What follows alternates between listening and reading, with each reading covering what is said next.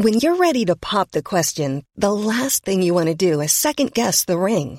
At Bluenile.com, you can design a one of a kind ring with the ease and convenience of shopping online. Choose your diamond and setting. When you find the one, you'll get it delivered right to your door. Go to Bluenile.com and use promo code LISTEN to get $50 off your purchase of $500 or more. That's code LISTEN at Bluenile.com for $50 off your purchase.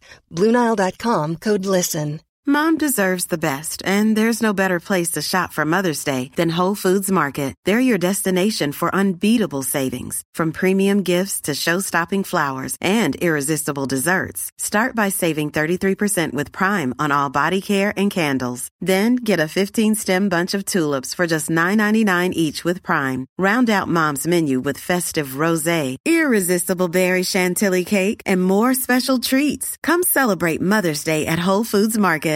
Hey, it's Paige DeSorbo from Giggly Squad. High quality fashion without the price tag. Say hello to Quince. I'm snagging high-end essentials like cozy cashmere sweaters, sleek leather jackets, fine jewelry, and so much more. With Quince being 50 to 80% less than similar brands. And they partner with factories that prioritize safe, ethical, and responsible manufacturing. I love that. Luxury quality within reach. Go to quince.com slash style to get free shipping and 365 day returns on your next order. Quince.com slash style. Da si et par setninger, Kjell. Ja, når det hele begynte, så var det fordi at faren min var så gæren på broren min, for han var ikke interessert i bil i det hele tatt, og faren min var veldig interessert i bil. Oh, ja. Han tok oss med på kanonlopp i Sverige, da, Ja. for å se på det.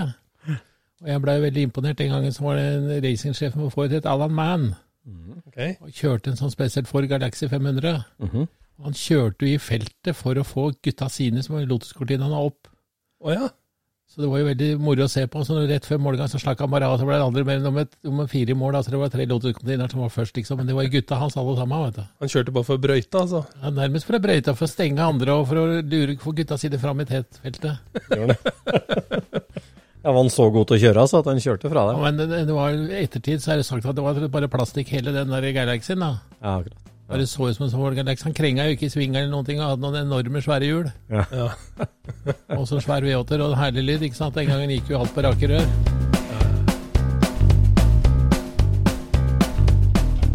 Du lytter nå til Scootspodden, en norsk podkast om klassisk bil med Jon Roar og Øystein.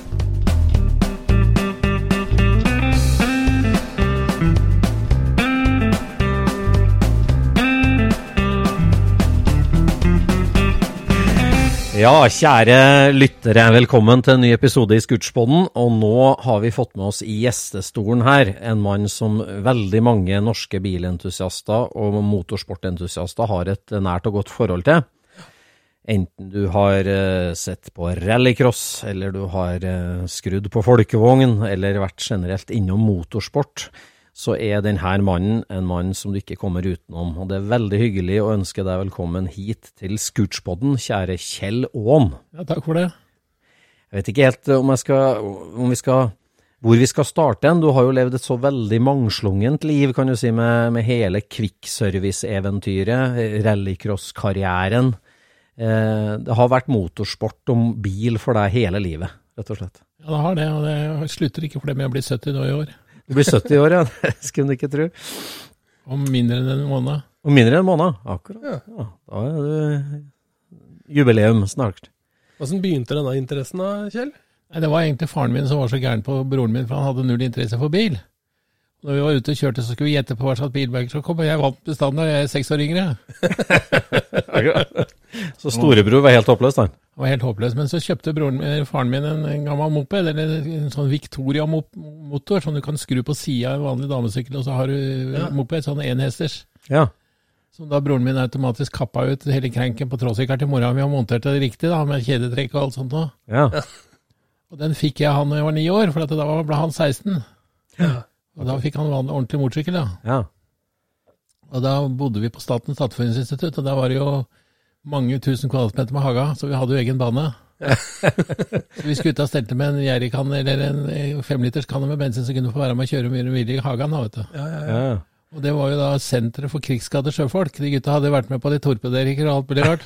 At de fadde seg i at vi kjørte da utafor soveromsvinduene med to-tre meters klaring på Det var jo megafon på den mopeden, det var jo ikke noe eksospotte. Det var, det var kanskje en snillere lyd enn å høre de der tyske flya styrte ned og bombrøm bombe dem når de var ute i Ja, landet. det var litt artig med ni år gamle gutter som lo seg i hjel og herja sikkert òg, da. Ja, vi hadde det kjempemoro, det hadde vi jo. Men da, siden den gang, så det å kjøre motor og kjøre fort, det, det, det stoppa ikke med det. Nei, altså Broren min fikk jo veldig interesse for dette her, så han etter hvert så bygde han seg en en speedway-sykkel og kjørte med. Ja, ja. Og så var han hos Bjarne Grorud og importerte en motor fra Bultaco i Spania. ja. Jobba som eh, avisbud og litt oppe hos Otokari og alt for å spare penger til den. Så selv om han var håpløs på bilmerker, så ble det Ja, han var en perfeksjonist, Ja. alt han gjorde. Til og med dopapiret måtte brettes på riktig måte. Oi, såpass. Men uh, i hvert fall så ble det i 62 så ble han norgesmester både i, i speedway og langbane i 125-klassen med den Bultacoen. Da fikk jeg være med som mekaniker. Ja, Og en av jobbene mine var å gjøre rent kjøleribbene på den der luftkjørte totakteren mellom hita ja. Ja. med tannbørste. Full av grus, den, ja. Ja, men det var jo viktig, da. Det var ikke at de kjørte en del innledende omganger. Det var viktig å ha den sykkelen som gikk fort når finalen kom. Det er jo finalen som det alltid gjelder. Ja, ja, ja. Mm.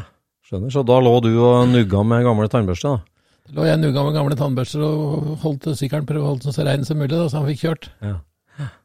Og det gikk til norgesmestertittel. Gikk til norgesmestertittel, og så kom han inn da i 63 på Tekniske høgskolen i Bergen. Ja. og Utdanna seg til motoringeniør der. Og det som er spesielt med, det var spesielt med Teknisk høgskolen den gangen, det var at du ble jo motoringeniør, men på båter. Ja.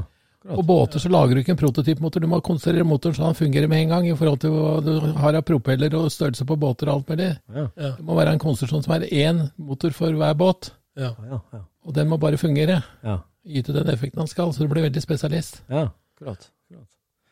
Men du, da? Etter eh, Victoria-herringa og sånt, hvor eh, altså, da ble du speedway-mekaniker, og så Ja, og så jobba jeg om sommeren på hos Einar Sande. Ja. og klargjorde mopeder og sånn, og den gang var veldig populært med Suzuki 50. Vi snakker midt 60-tallet. Midt 60-tallet. Mm. Og så lærte jeg triksa, da, så jeg hadde eget verksted hjemme når vi bodde på Bjerkebanen. Flytta jo dit seinere. Ja. Så alle gutta som hadde Suzuki 50 kom til meg, jeg visste hvor plommen satt hen. Akkurat. Så da fjerna du den, og da var det mer effekt. Ja, da ble det 4,5 hest istedenfor 2,5 hest som var maks tillatt. Ja, akkurat. Akkurat. Og Sånn gikk det jo videre. Da Da jeg begynte på yrkesskolen, så var jeg også hjelpe andre der. For da hadde broren min knekt koden på hvordan man skulle lage effektpotter på totaktere. Oh, ja. Så jeg fikk jo hele den formelen av han, da. Ja, Og så hadde jeg tilgang til sveiseverktøy og sveiseutstyr, og så jeg lærte meg å sveise da jeg var tolv år. Gjorde du det? Ok. Vi lagde sånne trimpotter, da. Ja. Målte høyden på porter og regna ut turtall og, og vinkler og alt sånt nå, for å få effekt ut av de trimpottene. Så lagde vi jo til tempo-motorsykler og Sundap-motorsykler og Gjorde du? MZ og sånn lagde vi trimpotter til, da. Ja. Ja. Så da skjønte du at eh, en teknisk karriere, at du skulle velge teknisk fagskole og bli mekaniker, det, det skjønte du tidlig da? Ja, egentlig så ville jeg bli motorsykkelmekaniker, men det var umulig å komme i læra, for det var ingen motorsykkelmekaniker som hadde lærlingeplass, for motorsykkelverkstedet var jo stengt om vinteren. Ja. Ja. For da hadde de ikke noe å gjøre. her. I dag så lever de jo i motorsyklene sine og får tatt service på dem i løpet av vinteren. Ja, ja. Akkurat. så jeg kom ikke inn sånn, så kjente faren min verksmesteren på Mølle på Ryen, så han ordna meg så jeg fikk lærlingeplass der, Ja. For å bli bilmekaniker. for å bli bilmekaniker. da. Og der skjedde det jo litt av hvert oppe på Ryen på 60, sent 60, tidlig 70-tall. Ja, det var liksom senteret i Norge for eh, motorsport med folkevogn, da. Ja. Kjell Gudum var jo en av kundene, og så var jeg jo underlagt i læretida, så har du ofte en læremester. Ja. Og en som het Tor Olsen, som var, eh, var kartleseren til en som het Kjell Vangen. Ja. Kjell Vangen, ja. Han jobba jeg for, og Kjell Vangen var jo jævla dyktig til å kjøre bil sjøl. Så etter hvert som han fikk bedre og bedre resultater, så ville ikke han skru for uh, Kjell Gudum, han ville kjøre sjøl. Ja. Og fikk jo kontrakt da da 1302-1303-ene kom. Han Vangen fikk kontrakt. Eller? Og vi fikk kontrakt, ja. Ja. Samtidig så gikk jo kontrakten til Kjell Gudum ut. Han syntes ikke at Folkvogn var framtida, så da begynte vi å kjøre Mazda RX2, vankelbil. Ja. Og da når du var mekaniker for Kjell Gudum, for det ble jeg da etter hvert, så måtte du både være mekaniker og kartleser. Ja, akkurat. Også det, ja. Da hadde jeg oppgave å holde bilen i orden hele tida. Den gangen hadde vi jo ikke store servicebiler og sånn som fulgte oss. Så da leste du noter og satt i passasjersetet, så var det bare å vrenge på seg mekkekjeledressene og skru på hver pitstop. Ja, du kan si at sånn en rally den gangen, så, eller i dag, så er jo det 35 mil. Ja. Det var 550 mil den gangen jeg kjører Rally Baltic. Starta på en onsdags morgen og gikk i mål på en lørdagskveld. Ja, så én pause. Å, herregud. Men da du fikk fagbrevet ditt da, på folkevogn hos Møller Fikk fagbrev på Folkom først som mekaniker på Møller, og så jobba jeg litt sammen med hadde jeg formann som het Stene Svartrød, som jo var en Formel 1, eh, Ja. V-kjører. Så jeg hjalp jo han litt, han fikk jo oppdrag å polere veiva hans og litt sånn, det var jo stas da, vet du. Ja, ja. Så da fant jeg ut at jeg skulle ta fagbrev også som bilelektriker. Det er ganske lett på Folkom, den gangen var det sju sikre sikkerhetsbokser, så ja, ja, jeg skjønner. Men da det at eh, Altså det derre med det å trimme motor og, og, og yte mer og bore ut plomben, det var alltid en interesse for deg? Altså det var ikke bare mekking, eller mekkinga og fagbrevet og mekanikerjobben var én ting, men det der å trimme og trimme og kjøre fortere og fortere, det var sterkt for deg hele tida? Ja, den gangen så var det jo en del litteratur å få tak i, som var ordentlig skrevet. En del av den litteraturen du får i dag, er skrevet av en eller annen som tror han kan alt. Den gangen var jo folk som var professorer ved universitetet i Graz i Østerrike og sånn. Sånn som han Apfelbeck. Mm. Og de bøkene hans, der sto sannheten. Der sto det hvordan du regnet ut gasshastigheter og hvordan du gjorde ting. Ja. Så vi måtte lære oss tinga ordentlig. ja, Hvordan det faktisk fungerte. Sånn som det faktisk fungerte. Ja. Ja, ja. ja. Og det gjorde du. Fikk tak i bøker og kasta det fikk tak i bøker, og selv om de var på tysk, så fant jeg ut hvordan dette virka, og satte opp de forskjellige formlene og begynte å trimme etter det. Ja. Ja. Da, men da som mekaniker da, oppover eh, si tidlig 70-tall, når, når var det du begynte å konkurrere sjøl? Nei, altså Det som skjedde, det var det at jeg jobba der fram til 71. Da, etter å ha tatt fagbrev som bilelektriker, ble jeg anbefalt å begynne å jobbe som bilelektriker. For de mente at jeg kunne jo ikke noe om bilelektriker, jeg kunne jo bare folkevogn. Ja. Så jeg, så jeg tok jo det sparket og begynte å jobbe for en firma som heter Bilelektro Radiatorservice. ja. Du måtte liksom slåss med en skikkelig Lucas-system engelsk bil, kanskje, for å Ja, graderes? det måtte vi også. Pluss at det var jo fint å begynne å Vi har jo mest vant til luftkjørte motorer, ikke sant. Og så jobbe med radiatorservice og bygge radiatorer og varmeapparat og bytte og stå i med alt med sånt noe. Ja. Og det var jo veldig nyttig, for det var jo alle mulige typer bilmerker der inne. Ja. Mm. Og da, hvis vi drev og jobba med det, så var det en som het Dagfinn Larsen, som kom inn alltid hver mandag. Aha. Og skulle ha nytt register i radiatoren sin, han kjørte ren og går inn i. Og der satt jo radiatoren bak, og hvis noen kjørte på han i ræva, så havna jo radiatoren midt i vifta, og så var det sluttkjørt. Ja. Det gjorde de tydeligvis omtrent hver helg. Yes. Slitsomt. Så jeg ble veldig kjent med han, han var ganske vill. Ja. Så da de spurte om jeg ville begynne å jobbe på City Bil, altså den gangen det med franske biler og engelske biler og, og amerikanske biler, ja.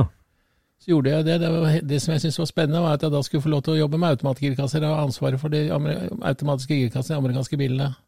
Ja. Og der var det også motorsportmiljø. Mm. Dagfinn Larsen kjørte jo billøp sjøl. Og det sjokket var jo det at han ikke bare kjørte billøp, men han kjørte som en gærning med alle kundebilene også. så da han vraka tre kundebiler på ei uke, og uten at verksmesteren sa noe, så begynte vi liksom å lure.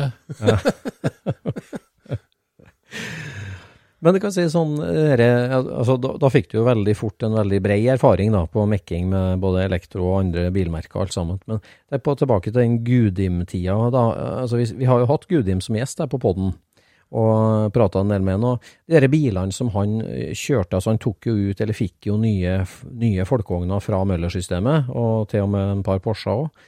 Men eh, var det helt originale biler, eller drev dere og skrudde og trimma mye på dem òg, eller? Nei, det som skjedde var at da kom jo Emp inn i bildet. Ja. Fikk en importør, jeg tror det var i Finland. Begynte å selge deler rundt i Skandinavia. ja. Og så var det noen artikler i Teknikkens Hverdag, noen sånne motorsportblader, og sånne trimsett du fikk. Da skulle du få 125 hester Ja. på 1600 kubikk. Og da ble det kjøpt inn et sånt kit til han. Og det var Kjell Wangen som satte sammen, og Tor Olsen som satte sammen, og jeg sto ved siden av og så på nærmest. Ja. og så tok de over den bilen, og gud, jeg syns ikke det blei noe ordentlig fart over det der. Det kom jo eh, Trond Skjea etter hvert med BDA-motorer og mye mer hester. Da nytta det liksom ikke å holde følge, og dessuten så var det jo aldri 125 hester i den motoren heller. Men det, det var en sånn type 3 notchback, sånn 1500 der. der. Nei, det 1500 det kjørte han i, i 64, 65, 66. Akkurat det, det var tidlig. Så gikk han over til å kjøre boble igjen. Ja. Så han kjørte blant annet RAC-rally da med sånn type 3. Ja. Mm. ja, nettopp. Og det var såpass internasjonalt, det nivået som vi var på der oppe på Møller på Ryen, at eh, Bjørn Valdegård kom f.eks. inn med bilen sin. Ja. Skulle starte Rally Monte Carlo fra Oslo. Da fikk jeg jobben å montere sete med forsterkninger inn i den bilen. Det? For han hadde så svær, tjukk kartleser at det måtte forsterke gulvet i den for at han hette at ikke skulle, gulvet skulle revne. Ja, var det 911 det, eller? Det var 911, ja. Ja. Jeg tror det må ha vært 1970. Ja. Da tror jeg han vant også det Rally Monte Carlo med den bilen. Oi. Med Åen-designa støtteskinne i bånn. Ja, det kan du godt si. Det var jo ikke designet, det kom jo ferdig som en sånn kit, da, men er han hadde ikke vært nede på fabrikken og satt inn stolen. Ja, akkurat. Ja, men når, når, starta, når, når starta du ditt første billøp, da? Jeg starta mitt første billøp i, i 1973. Ja. På det miljøet som vi hadde da der nede på, på Citybil. Så kom jeg over en Hillman Imp Sport. Ja, akkurat. Og den var i 52 hester. Det var like mye som sånn Fiat 850 Sport. Og den var 10 cm bredere i sporhjulet, så jeg mente at det kunne gå an å kjøre fortere. Men det var jo ikke noe moment i den motoren. Det var jo en sånn liten brannpumpemotor. Ja, Så du kunne jo ruse den til 10 000 omdreininger, slippe kløtsj og så bare kverte den seg. ja akkurat. Den er lei. Ja. Men, men det utvikla seg etter hvert. Altså, vi kjørte, så en gang vi skulle kjøre ned i Larvik, så vi kjørte gjennom Larvik med denne på en henger. Så kom det en fyr løpende etter oss ved gata.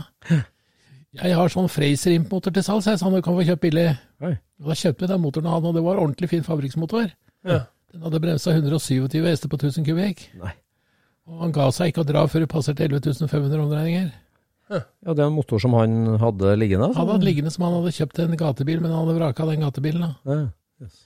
Og Det var jo ganske fantastiske kjøreegenskaper på sånn Hilman Imp. Ja. Altså en sportversjon som hadde negativ camber på framhjula, ikke sju grader positiv som den vanlige gatebilen hadde. Ja. men han var jo litt tung i vekt, det var han jo, men det var jo veldig spennende bil å kjøre, så vi kjørte litt bakkeløp og litt grusbaneløp. Ja. Første grusbaneløpet var nede på Hortemo Ja. med den nye motoren. da. Ja. Og der var det jo ti NS-er til start, da. Og for da kjørte vi gruppe to. Og så ble jeg vel nummer to eller tre totalt, og da var de ganske gærne at den der bilen gikk så jævlig fort. Ja. så var det meninga da at jeg seinere skulle kjøre med den på isen, men de gutta som lagde de gromme ishjula, langpigghjula som kjørte med, dem drev og skrudde NSU. De ville ikke at jeg skulle få tak i noen pigger. Ja. Så det gikk etter hvert i vasken. Ja. Æsj. Men det var jo så mye som skjedde med den bilen. Den var jo ikke veldig solid. Nei. Det var Det gikk- engelsk. Ja, det gikk jo stadig noen girkasser og noen drivaksler og, og forstillinger. Det var jo bare ei bærebru i den forstillinga, den knakk jo sammen. Ja. Så vi kjørte et rally bort til Sverige annet, hvor han blei så lav at vi fikk ikke lov til å kjøre lenger, for vi fikk den ikke over en sånn, over grava, den lille støttekanten rundt grava tok tak i forstillinga da vi kjørte over. Så vi ble nekta å kjøre hvis vi ikke gjorde noe med det, og da tok vi bare jekka opp bilen og skar et hakk i, i bærebrua, og ben- bente bærebrua ned igjen og sveisa inn hakket, Mm. For å få lov til å kjøre videre. Ja. Så ble det et lite opphold i det, i og med at jeg var i militæret i 73-74. Ja. Og så etterpå det så gikk jeg på teknisk fagskole. Ja. Så det blei litt lite penger å kjøre billøp for, men i, i den situasjonen der så kom vi over en bil, for han, han som jeg hadde denne bilen sammen med, han som het Øyvind Carlsen, som seinere var president i Porsche-klubben i mange år. Ja. Han hadde en far som jobba på amerikanske ambassaden. Og der var det sånn mariners, den kom til Norge, og de hadde jo tatt med seg biler fra USA til å kjøre med. En av de gutta hadde kjørt ut ø, glatta rett inn i en stolpe ved en sånn 73-1303 S. -hmm. Den kunne vi få kjøpe billig. Så det var en USA-solgt uh, USA-solgt ja. Og heldigvis så kjørte vi opp om Biltilsynet og fikk den taksert. For det ble jo en sak på det seinere, at de mente at vi hadde smugla bilen inn til Norge. Men vi hadde jo vært og taksert den og betalt momsen og det som skuldes på den. Ja. Ja. Så kontaktet vi Gunnar Kittelsen, han kjente vi litt, og spurte oss hva han skulle ha for oss å reparere den fronten. Ja. Så sa Gunnar det at jeg må få tak i dere en front, og så må dere bytte den. sa han. Dette, jeg har ikke tid til å drive på med sånt. Nei. Da huska jeg at jeg hadde sett et bilde fra en ulykke som hadde skjedd på Karhaugen, hvor det var ei dame med en 1303 Spig som ble påkjørt i ræva av en lastebil. Og den bilen var jo bare to meter lang, og vanligvis var den fire. Og fangeren på den lastebilen stoppa sånn ti centimeter bak stolryggen til dama som satt inni. Oh, oi. Så vi reiste ned til inntauingstomta på Ullevål, på Majorstua, mener jeg, og fant den bilen stående der. Jeg sa at vi fant en, en inntauing som kunne fortelle at han sto der med et senere var taua til et firma som het Fardal, som lå borte på Økeren. Vi kjørte dit og fikk lov til å kjøpe den bilen, og det, som sagt, det eneste som var helt, var det som var fra førerdøra forover på den ene sida, og den andre sida var førerdøra krølla. Mm. Og det var akkurat den betaen vi trengte. Ja. Så en lørdag så sto vi på det verkstedet, ute og på et verksted som ligger borte på Majorstua i forbindelse med inntaksstrømmen, for han jobba jo i lysverket, han Øyvind Karlsen. Og så bytta vi den fronten. ja. Skjøta de to bilene. Skjøta de to bilene til én bil. Ja. Og da beholdt vi den norske bilen. Ja. Altså understellet på den, og så løfta vi ræva på den der amerikanske bilen over på den. Ja. Så det ble den første rallycrossbilen og folkevogn. For da, eh, altså rallycross, når eh, nå, nå er vi i- da i 75-76, så? Ja. Ja. Og når starta rallycrossen egentlig for alvor i Nei, altså Det som skjedde, var at vi kjørte Rally Norge i 1971. Ja. Og når vi kom til Pellestova, Ja. så var det stopp der en pause, og så skulle vi ha en TV-tapp etterpå. Mm. Og da kjørte Per Engseth litt for fort på den der TV-tappa, så han rakk ikke å stoppe når han gikk over mål. Mm. Og kjørte rett inn en Renault 16 og en Honda, en liten Honda 800 så Civic, Mm. som sto der, og da ble det et jævla rabalder. Ja. Og Reiulf Steen, han var jo da samferdselsminister, han sa at biler er ikke til leke med, så han sa han la ned forbudet mot å kjøre rally. Mm. Vet at sikkerheten ikke var bra nok. Mm. Og da hadde vi plutselig ikke noe å gjøre. Nei. Og da blei alle huet hans arrangert noe løp på noen jorder, da. Ja. For da hadde vi hørt om det, at det gikk an å kjøre rallycross. da. Det kom jo egentlig fra England, for at de hadde hatt munn- og klovsyke, så de fikk ikke lov til å kjøre rally. Nei. Fare for å spre munn- og klovsyken over hele England. Ja, Så de kjørte noen løp på noen jorder, da. ja. Grass track, som det heter i England i dag. Så det var en måte på å gjøre rallysporten mer kompakt og lokal på, rett og slett. Ja. At, eh, ja akkurat. Og så var det meninga at vi skulle kjøre Rally Sørlandet da i, i 71 på våren, jeg og Kjell Gudde, men så ble det løpet flytta en uke, og da hadde han bestilt tur til, til Kanariøyene med kjerringa. Mm. Så da kunne ikke han kjøre det løpet, og da ble de gærne på Møller. Mm. Så da kom Kjell Wangen og henta den bilen, da. Ja. For å kjøre med. Og da kjørte jeg med en annen fyr som var oppe fra Nordreisa, en som jeg jobba sammen med. Ja. Og han hadde erta på seg gutta, for han sa han kunne kjøre fra Nordreisa til Oslo på 22 timer, og ikke så trodde. Han hadde en Saab V4. Så kom han til meg og spurte om ikke jeg kunne være kartleser for han da, på det Rally Sørlandet, og det kunne jeg jo. Selv om det egentlig passa litt dårlig, for den torsdagen vi skulle reise ned til Rally Sørlandet, så gikk vannet for kjerringa mi og var på vei inn for å føde barn nummer to. Såpass. Så hun fikk beskjed om å knipe igjen. Jeg kommer tilbake på mandag morgen. Og det klarte hun. Jeg kjørte hjem med Kjell Vangen, satt bak på motorrommet på denne transporteren Kjell Vangen hadde som servicebil i, i Rally Sørlandet. Gikk av den, åpna bakluka og klatra meg av den på Jernbanetorvet. Og så fikk jeg tatt da en, en taxi opp til uh, fødeklinikken som lå på Josefinegata i Oslo. En halvtime etterpå så var dattera mi født. Akkurat. Det rakk du akkurat. Det rakk det akkurat. Ja. Da visste vi til den der episoden i 576 da, at du fikk skjøta 13.03-en og skulle til å stille da til start i første rallycrossløpet. Var, var det det første rallycrossløpet i Norge, eller nei? Nei, jeg hadde kjørt litt av rallycrossløp, men jeg kjøpte en bulka, en frontbulka 1302 S Ja. i 72. Når jeg jobba for bilradiatorservice og bilelektroradiatorservice. Og som jeg bytta fronten på. Den kjørte jeg med i alle mulige Fossanger, og kjørte også rally med. Ja. Da rulla vi med blant annet borti Solstadnatta forlengs. Forlengs. Og, og, og bunta den sammen igjen og kjørte den hjem igjen, selv om vi sleit ut fire hjul da, på å kjøre fra Karlstad hjem. Så den retta vi ordna og fiksa. Så skulle vi på, dette var på en lørdag, og, og vi skulle kjøre nytt løp helga etter. Og på torsdag skulle vi kjøre opp til verkstedet til Gudum og ta forskningskontroll på han. Da var det en, en taxi som bråbremsa foran, og da ble fronten flat igjen. Nei. Det var en kamerat av meg som skulle kjøre den opp, men vi retta fiksa det, selv om de var litt gærne på bord så at vi skulle ha et nytt sett med løkter til. Det gikk åtte sånne svære Big Knect-løkter på ei uke, syntes det var mye. Ja. okay, når det var rallyforbud i Norge, så var dere selvfølgelig til Sverige og kjørte en rally da, eller? Ja, vi prøvde oss på det, og det beste Jeg har en plakat hjemme som står 'Beste nordmann'. Ja. De lagde noe som heter Melby-fondet, fra han som var sjefen i Vegdirektoratet, som styrte da han nekta oss å kjøre rally. Han het Melby. Aha. Vi var nede og kjørte et rally som heter Rallying Skillingen 500, Ja. med den Hilman Impen da. Ja, akkurat. Men så var vi så dumme, vi var redd for å bli diska. Så var det noen som hadde kjørt seg fast i, i en sving, for det var så dyp sand der. Så vi stoppa og skulle dit og han ut av sanda, så skulle han dit og oss ut av sanda, men han forsvant jo bare. Ja. Når vi sto og prøvde å komme ut av sanda, så gikk jo toppakningen på den Hilman Impen. Ja, ja. Og det som var dritt med, at vi leda jo gruppe, eller klasse B, som det het på det tidspunktet, med den bilen, for vi hadde kjørt så fort fram til det. Så det var det å komme seg hjem igjen, da, fra, dette var langt her i Skåne, å komme seg hjem til Oslo med, uten med defekt oppakning. Kjørte innom alle bensinstasjonene vi så på veien, og så hadde vi stjålet en sånn søppelkasse som sto på bensinstasjonen, så vi hadde nede i en innskjermen. Så det vannet som kokte over, det kjørte vi ned i den kanna, og så fylte vi tilbake på bilen. Men vi måtte ikke stoppe, da, for eh, hvis du stoppa en sånn en, så fikk du ikke starta den, for da rant det vann inn i sylinderen, så gikk ikke motoren rundt. Nei. Så vi sto og slo på vannet, og sånn kjørte vi, så vi kom nesten til svenskegrensa da. Da det ikke, ikke kom lenger, da var det ei dame som var bare og så, og så taua oss over Svinesund, og så kom kjerringa med den andre bilen jeg hadde, det var vel en Det må ha vært en eh, Folkvogn 1500 S. Kom også taua oss da hjem fra, fra Svinesund og hjem. Gutta har vært på Det hadde vært på rally. Hadde hatt mange sånne episoder med å kjøre bort til Sverige, og, og det fant vi ut etter hvert at vi måtte jo ha henger. Ja. Vi sleit ut den Hilman Jimpen på å kjøre fram og tilbake, vet du. Ja. Så, sånn, var, så, sånn begynte det. og det første løpet jeg kjørte med den 1303 S-en, det var eh, i EM-runde i rallycross i, på Knutstorp i Sverige.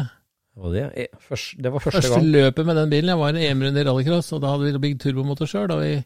Kunne jo ikke dette med turbo, det var ingen som hadde ingen å spørre heller, ikke sant. Vi hadde ikke wastegate. Vi hadde en ventil som blåste seg opp og hindra motoren å få luft. Ja. Og, og så hadde vi jo ikke sånne høytrykksslanger som vi har i dag, så jeg brukte sånn slange som gikk mellom påfyllestussen og tanken på folkevogn. Ja. Seinere så var vi ute og gjorde noen prøvekjøringer på dal med den bilen, og da hadde vi ikke på det dekkslov og motoren bak, og da sto, sto den var svær som en fotball, den slangen. Da når det ble et ordentlig lavtrykk på den bilen.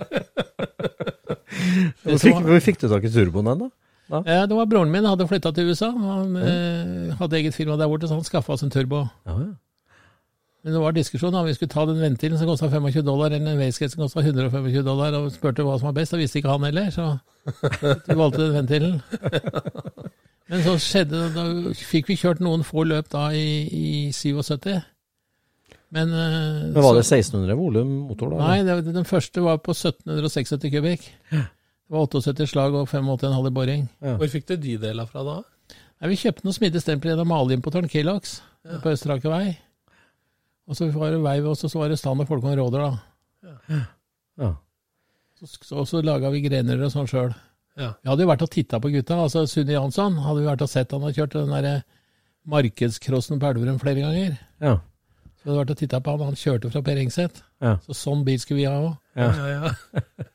ja, for Per Engseth kjørte Porsche, Ja. og han kjørte, Sunne Jansson kjørte boble. ja, og den vinteren da, 77-78, så var vi der oppe og kjørte. Og leda faktisk A-finalen. Jeg kjørte litt for fort og la- havna på taket. Ja, akkurat. Jeg hadde, hadde snakka med broren min på telefon. Han sa at når du skal starte på glatta, så må du slippe kløtsjen først, så tråkke gassen etterpå, så spinner du deg bare bort. Ja. Og det var jo hele trikset. Det var jo å slippe kløtsjen først, og så tråkke gassen inn. Så tok jo alle starta og vant alle heata. Ja. Og den filmen har jeg ligget ute der noen ganger for et års tid siden, og da ser jeg det. Jeg trodde at jeg taka første runde, men jeg kjørte vel tre-fire runder før jeg havna på taket, da. ja, da leda du over Sunn Jansson òg, eller? Nei, da hadde han gitt seg. Ja vel. Men jeg leda over Per Engseth. Ja, gjorde det. Med den skjøta 03-en. Med den skjøta 03-en, Ja. Ja. Og den bilen kjørte jeg helt fram til og med 85-sesongen. Kjørte jeg med den samme bilen. Gjorde du det? Men da hadde jeg en stygg ulykke borte på Brandsearch. Da hadde vi jo bygd den om til firehjulstrekk og fått turbomotoren til å virke noe jævlig. ja. Ja, men du må ta oss med litt på den reisa, for det skjedde jo en del ting da mellom si 75 og Ja, det, som, 84. det, det som skjedde, det var at det da bestemte Bilsportsforbundet i Norge at hvis du skulle kjøre med turbomotor, så måtte du kjøre i sportsvognklassen. Ja, Og Det vil si at du måtte kjøre med Porsche. Det var jo fire Porscher i Norge. Det var for å fylle opp den klassen. da, vet du. akkurat. Og Da prøvde vi oss med det at både, både jeg og Øyvind Karlsen hadde lyst til å kjøre. Så vi hadde to varmeapparatmotorer fra Hilva Dip stående oppå luftfilteret. Ja. Så når jeg kjørte, så kjørte jeg i sportsvognklassen, og jeg hadde da elektriske turbo. Ja. Og når han kjørte, så tok vi bort de to varmeapparatmotorene, og da kjørte han den vanlige sugeklassen. Ja. Det var ikke noe sånn særlig suksess. Men, Men eh, men etter hvert, da, i 78, så ble det dårlige tider i Norge. Mm.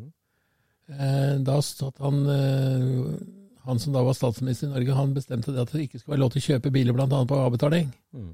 Og jeg var da verksmester på Mathesen Enger, som drev med Nissan. Og Alfa Romeo og AMC, amerikansk AMC. Og vi var jo avhengig av å få inntekter fra to bruktbilbutikker i Oslo som solgte disse bilene så nye. Mm. Men den gangen, og sånn som i dag, så er jo sånn at halvparten av bilene som blir solgt, er jo solgt via firmaer, og de hadde ikke noe firmakontakt, det var jo privatfolk. Og da privatfolk ikke fikk kjøpe på avbetaling, så solgte de ingen biler. Nei. Og Det betydde at vi fikk jo ikke noe inntekter til Mathesen Enger heller. Nei. Og når sjefen vår hadde vært så smart at han hadde sagt opp alle avtaler, for han syntes vi fikk for lite penger, så fikk du ikke reforhandla noen nye avtaler heller. Så etter hvert som det gikk dårligere utover 78, så kom jeg til slutt på den utbyttelista. Ja. For der skulle til ansiennitet skulle bli sagt opp. Mm. Men så visste jeg om det lokalet som lå nede i, i Smedgata, så var det gamle lokalet til Mathesen Enger. Det hadde jeg vært med på å rydda ut der, for det var en ny kjøper som kjøpte det. Mm. Og det var jo den samme mannen som jeg kjøpte den min første bil av, som heter Gislerud. Mhm. Og øh, Jeg avtalte med han om vi kunne få lov til å leie det lokalet. Da leide vi det lokalet, så starta jeg og Dagfinn Larsen opp Kvikkservice. Ja. Ja. Kvikkservice, som ble en institusjon etter hvert i norsk eh, både motorsport og folkevognmiljø. Ja, vi var jo veldig innstilt i motorsport, både jeg og, og Dagfinn Larsen. Og Dagfinn Larsen kjørte til å begynne med sånn Simcar av 1000 Rally 3. Og prøvde å bygge opp den, og ble bra nok, men det var jo så dårlig girkasse på den, så han prøvde seg med noen Porsche-girkasser og litt sånn forskjellig, men etter hvert så skjønte han at dette ikke nytter. Det var liksom Grensa gikk på så hvor mye kubikk du kunne få, var 1600 kubikk, og i denne klassen så var det jo fritt volum. Ja. Så han bestemte seg for å bytte til folkevogn. Da hadde jeg vært og kjøpt en folkevogn av Lille-Kalle Nilsson borte i Sverige. Så det hadde sittet i en eh, folkevognmotor med bedatopper og som var vannkjølt. Ja. Vi kjøpte bilen uten motor i girkassa. Mhm. Og samtidig så var jo- meninga at han Øyvind Carlsen skulle kjøre den, men han fant plutselig hadde lyst til å bli dykker. Ok. Han skulle bli hobbydykker, og da sa kjerringa at du får velge mellom bil eller hobbydykking. Du kan ikke drive med begge deler. Da valgte han hobbydykking. Så da kjøpte, kjøpte Dagfinn Larsen bilen av oss, da. Så da sto du der alene med kvikkservice-driften? Nei, nei, nei, jeg gjorde ikke det. Dagfinn Larsen jobba fortsatt der. Ja, sånn, ja. Mm, ja. Og, og en av de som begynte å jobbe for oss, som het Bent Ørne, Ørneberg, som driver eh, et firma ute i Sandvika, han kjøpte gamle bilen til Martin Skanke. Ja. Den første eh, BD-en han hadde som han ble europamester med. Så vi var jo tre mann som var interessert i å kjøre rallycross da samtidig. Og vi hadde etter hvert mange kunder som gjorde det var interessert i det samme. ja, for hva var forretningsideen til kvikkservice sånn med en gang? Altså, hva, hva Forretningsideen var at vi skulle være ekstra kjappe til å reparere biler. Ja. Derfor het Kvikk. Å ja. Å ja. Til å begynne med så het det Kvikk Autoservice også. Ja, ja. Aha. Men den gangen så måtte du ha en som hadde handelsbrev for å få lov til å drive butikk. Ja. Og jeg har en bror som hadde tatt handelsbrev. Ja. Men han drev en helt annen bransje. Han drev med lyspærer og, og, og alt som var innenfor kontortjenester. da. Ja. Fra- Det, dette var ikke broren som var i USA, altså? Nei, jeg har en, en bror som bor oppe i Nittedalen. Ja. Som i dag driver fortsatt det er deler av det etter Kvikkservice som heter Prolys, som ligger på Lørenskog. Akkurat. Så vi måtte ta med oss han, og da kunne vi ikke hete Autoservice, vi kunne bare hete Kvikkservice. Ja. Så da ble Auto fjerna. Ja, så det var, tanken var å altså, drive vanlig bilverksted? Altså, Tanken var å drive vanlig bilverksted, men vi måtte leie tilleggslokale til han. Da, så var det en sånn liten kvistloft oppe i tre etasje. Ja, akkurat. En svær, spin, svær spindeltrapp, men vi satte opp med plakat og sa at det skal ikke være lett å komme fram til noe som er bra. Nei, akkurat. Jeg skjønner. Men uh, Krigsservice, det ble jo da eh, mye trimming og motorsport, og etter hvert mye folkevognmotor? Ja, det vi var heldige med, det var det at pga. denne, denne rallystoppen, så var det jo veldig stor eh, engasjement for å finne på et eller annet. Ja. Og så hadde vi hørt om at de kjørte folkerace borti Sverige. Ja. Så ble det gjort et forsøk i Norge på å kjøre folkrace i Norge, eller altså Bilcross. bilcross i Norge. Og da var det veldig populært å kjøre folkevogn, og vi møtte jo opp med folkevogn. så Plutselig så ble det veldig etterspørsel etter at vi skulle drive med folkevognmotorer. Ja. Ja. Og så var det en fyr ute på Råde som hadde klart å få tak i noen tyffpapirer som gjorde at folkevogn ble godkjent med større motorer og Ja. breiere skjermer og større hjul og alt mulig rart. Ja. Oskarsson, tror jeg han het. Ja. Vi fikk papirer av han, da, sånn at det ble veldig populært å lage folkehorn som var- gikk mye verre. Ja. Men da etter veien. Da etter veien. Og dette, nå er vi da tidlig på 80-tallet. Da er vi tidlig på 80-tallet. Ja, ja. Og da begynte Dagfinn Larsen å gå lei av det, for det begynte å ringe så jævla mye telefoner. Så satt det vel mer i telefoner det sto skrudd av. Han mente at jeg måtte hjelpe til å skru, og denne telefongreia ble det ikke noe penger av, mente han. Mm. Så i mars i 83 så ville ikke han mer. Nei. Så jeg måtte kjøpe han ut, og da hadde jeg firma for meg sjøl. I mellomtida så hadde han Bent Ørnberg også slutta. Men da, da drev du for fullt din egen motorsportkarriere òg, og kjørte rallycross og bygde firehjulstrekkboble og Ja, da hadde jeg full karriere, og så hadde vi fem mann ansatt. Ja. Som trimma folkevognmotorer til gatebruk og til bilcrossbruk, og som bygde hele biler òg, eller? Ja da, det gjorde det. Og så var folk som bestilte hele biler. Kona, for eksempel kona til Tom Rustad, Mm. hun bestilte jo ferdig rallycrossbil av oss. Gjør det? Lisbeth Jørgensven het hun den gangen, i dag så heter hun Lisbeth Rustad. Og da bygde dere eh, med bur og alt sammen og leverte en nøkkel? Ja, vi var så heldige at jeg hadde en ansatt som het Andreas Nærby. ja. Han hadde svært verksted ute på, i Aurskog-Høland. Mm. Og han hadde annet en svær sånn veikompressor, så, så han kunne sandblåse og gjøre alt sånt. Og så vi hadde avtale med han. altså Han sandblåste alle karosseriene og gjorde alt grunnarbeid der ute. da. Han er en flink kar. Han har vært hos flere ganger. Ja, Han er veldig veldig dyktig, og det var aldri noen reklamasjoner på de jobbene han gjorde. Nei. Men eh, altså, det der var jo høytiden, eh, storhetstida for rallycross og skanke og, og alt som skjedde i Norge og Skandinavia der. Det var jo store ting. Det måtte ha vært litt av et eventyr å være med på. Ja, det var jo det. En av grunnene til at rallycross ble så populært også, var at vi til å begynne med så fikk vi jo betalt for å kjøre. Ja, det, ja. Mm. For jeg vet alt annet som måtte betale dyre startavgifter, men du fikk både betalt for å stille til start, og du fikk betalt i forhold til premiepenger. Ja, akkurat. Så vi var eksempel og kjørte i Arvika, så kunne vi reise hjem med 2600 kroner, som jo var nesten en månedslønn. Fy flott. Så vi følte liksom at det var en motorsport som nærmest betalte seg sjøl. Det, var- Det var uvant. det var uvant. Men denne videreutviklinga av bobla di, da, det med å bygge firehjulstrekk og turbomotorer som gikk større og større, var, var det prøve og feile-metoden, eller, eller Ja, vi, vi prøvde mye rart. Ja. Og vi fikk mye rare deler som både virka og ikke virka. Blant annet fikk vi noen veivaksler som broren min skaffa med Chevrolet-råder, men når du dro dem til 8000 omdreininger, så sto de rådene rett ut av blokka. Ja. For de var jo letta på feil måte da, i forhold til at de måtte snu rådeboltene. Da knakk de akkurat der hvor den nye mutteren ble stående. Ja, Så vi prøvde veldig mye rart. Ja. Men svenskene ble jo mer og mer dominerende med disse turbobilene sine. ja. Og vi ble mer og mer venner med Sunne Jansson, da. Og da Sunne Jansson oppdaga at jeg hadde svensk mor, så begynte jeg faktisk å få de riktige delene også. Oh, ja. Akkurat. Ja. Nei, altså det ble jo turbo som ble interessant, og svenskene vant jo. De vant jo til og med hjemmerunde med disse boblene sine. Ja. Og vi hadde jo veldig snille vektregler den gangen. I dag så veier biler 400 kilo mer enn biler våre veide den gangen. Ja, Ja. De har jo problemer med å komme ned under 1260 kilo, og firehjulstrekkbobla mi veide vel 880. Jo. Ja. Men den bygde du sjøl fra scratch, Den eh, bygde som sjøl fra scratch. Ja. og så litt etter svenskene, da, eller hvordan? Ja, Vi titta litt, an, det var jo så veldig lettvint ut. For det første så kunne Sunne Jansson levere deg et sånt girkassehus som du satte på fronten, omtrent som den der, Mm. den der svimvagen som du har. Mm. Så vi fikk et sånt hus, og vi fikk uttak til mellomaksjeren. Mm. Så hadde vi et frihjul før vi gikk inn i differensialen foran, som var fra BMW 518. Mm. Da fikk vi nesten lik utvekslingsforhold. Utveksling bitte litt av forskjell, så vi måtte liksom ha en 1-2% spinn på hjula på, på bakhjula før framhjula tok tak. Og Da ble den veldig lett å kjøre. Ja. For Da styrer han jo som en toerstrekker inn i svinga, og så gikk han som en firehjulstrekker ut. Ja. Stemmer. Så det var veldig lett å gjøre. Da fjerna vi rammehuet på de 1303 S, og så satte vi opp en ramme fra en Passat. Den hadde jo en sånn frontramme som det satt bærerme på.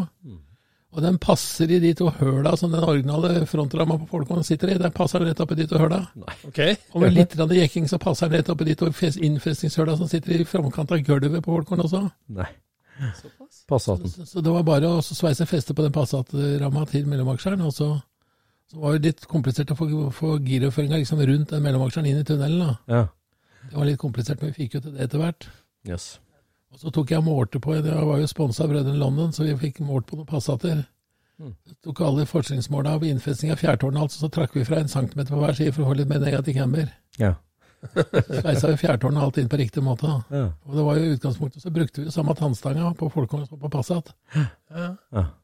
Så det stemte veldig fint. Og så la vi så mye vi kunne ha vekt foran framhjula, da. Men eh, var dere mange nordmenn som bygde sånn, da? Eller var, altså, var det tre, eller? Nei, Jeg tror vi var fem. fem, ja. Mm. Eh, Jeg bygde sånn, og så bygde Så var det egentlig meninga at en som jobba med meg, Odd Karlsen, skulle bygge en. Men Tor Holm bygde en. Ja. Og så var det en som bodde nede i, i eh, Larvik-traktene, Ja. som hadde kjøpt en fra Sverige. Mm. Og så var det en bil som ble bygd på den gamle bilen til, eh, til Dagfinn Larsen. Så ble det en, bygd en firehjulstrekker. Mm. Det var en som het Lukas. Nei, han het ikke Lukas, her, men hva het han? for noe? Mm. Jeg husker ikke riktig. Han, han prøvde seg i hvert fall med det, og da kjøpte han den bilen tilbake igjen med en BDA-motor. Mm. Så Dagfinn Larsen monterte turbo på, så han det 465 hester. da. Ja. I en sånn en i 1985, det var ganske mye effekt. Ja, fy. Problemet var jo det at det rådene som var, den motoren var satt sammen fra, fra skatt, var jo rustfritt stål, og du kan bøye sånne rustfrie plater fram og tilbake x antall ganger, så sprekker den jo. Mm. Så etter mye kjøring i bremsebenken og alt mulig, så kom det 200 meter, og så sto rådene rett ut av blokka. Uff. Ja, hva snakker vi altså på den firehjulstrekkeren din da, med i verste oppsettet var 0 til 100, liksom, for å si det sånn? På, var Ja, det var sånn at man nesten var, følte at det var bevisstløs. Vi snakka om 3,4 sekunder omtrent. Ja. Ja. Da, da, det som var det fine da, at vi hadde kjørte med Porsche-girkasser, og vi hadde problemer med det i femtrinns Porsche-girkassene, for det tok alltid litt tid å gire fra første til annen. Ja, ja. Ofte Ja, ja. gikk det fra første og rett til fjerde. ja. ja. ja. Men da kjørte liksom? Nei, ja, på grunn av måten giroføringa var laga på. Å ja. Hvis du var litt kjapp over til høyre, da, så havna du i fjerdegir istedenfor annet Ja. gir, og da var starten godt. Ja. Men da kjørte vi med firegira versjon av de, de girkassene. ja. Mm. Da fikk du altså mye bedre start, pluss at det stemte veldig fint med den firegira giringa til de turbomotora. Ja for den firegira kommer vel fra en Porsche Turbo, den da? Nei, det var den gamle 901-girkassa. Ok. Ja. Kjørte meg til å begynne med. Ja. Så det ble veldig, alt ble mye bedre, for da, for da var vi plutselig med i alle starter overalt. ja. Men alle de norske fem bilene er bygd på ca. samme resept, eller? Ja. Ja. Den, den, den aller første hadde Folkong-girkasse med uttak. Ja, Mm. stemmer. Den hadde ikke noe frihjul. Nei. Så lot han bare ta starten, så viste det at han havna i grøfta før det hadde gått fire runder likevel. Ja. ja. Skal vi se, vi snakka vel om det sist, men hvor er den bilen din hen nå i dag? Ja, den ble hogd. Den ble hogd. Det som skjedde der, var at jeg kjørte med den Jeg hadde en firehjulstrekk på den i jeg kom- ordentlig turbomotor i 84. Mm. Og 85 så satte vi firehjulstrekk på den. Men så fikk jeg den svære smellen borti, borti England. Ja. Da hadde jeg egentlig tenkt jeg skulle legge opp. Det var da det begynte å brenne? eller? Nei, det begynner ikke å brenne, men øh, den, det hadde, jeg hadde veldig hjelp av en som vi kalte for Turbo-Olsen, som hadde jobba ute på Elektrosubi. Mm. Så han, han ville være med meg på bare en med ting, så han fikk lov til å bygge ny turbo til meg, og turbo er jo hele hemmeligheten. Han bygde ny turbo til meg, den som virka som jeg fikk 100 hester mer enn jeg hadde hatt før. Oi. Og når vi kjører på Brands Hatch, når det er sånn Brands Hatch og Rallycross Grand Prix, da, som avslutta hele sesongen, Mm. så starter vi ti biler istedenfor fem. Da starter du 3-2, 3-2, 3-2. Og det første heatet så starta jeg først, Mm. sammen med en sånn BEDA-eskort med turbo og alt mulig rart. Og den dro jeg så jævlig i starten at jeg holdt nesten på å vinne hele heatet, men jeg, jeg klarte ikke første svingen. Det gikk altfor fort. Så jeg dro og var nesten inn på banen igjen før de andre gutta kom. Oh, ja. Ja. Så jeg hadde liksom ett håp, det at jeg måtte kjøre fort i annen omgang, men da måtte jeg starte bakerst. Ja. Og vi starta bakerst, og Tor Holm starta nest bakerst, og så vi plukka alle sammen opp på startrekka der, for det er jo samme startrekka som i Formel 1. Men akkurat da Torholm skal kjøre forbi en, en liten uh, Ford Fiesta, ja. så svingte han Fiestaen rett inn i sida på Torholm, og så fikk han en smell av Torholm, og så skjedde han rett over til venstre, og der kom jeg. ja. Så jeg fikk han rett i sida, og rett inn i den uh, posten for funksjonærer som sto der. Jeg var ikke nær bremsepedalen han det smalt. Oi, ja. Da ble det ganske store skader på bilen, ja. og de ville sende meg på sjukehuset, men jeg hadde med meg sønnen min. Ja. Han var bare 16 år, og så hadde jeg med meg Turbo-Olsen, men de, liksom, de var jo helt ukjent med hvordan vi skulle gjøre dette her. Og så ble det et kjempe sammenstilling av folk som skulle kjøpe den bilen, for de hadde aldri sett av folkene som hadde gått så fort. Og Mike Endin, som jo starta X-Track, han var jo en god venn av meg. Og han hadde lagd noen girkasser til meg, han og girkassedeler osv. Han sa du må ikke selge til noen på, med sjekk, for det er så mye sjekker ute og går som ikke har dekning. Kun cash. Så vi endte opp at vi solgte motoren, da. Ja. Til en for rundt 30 000 kroner, så vi har egentlig ganske mye penger den gangen.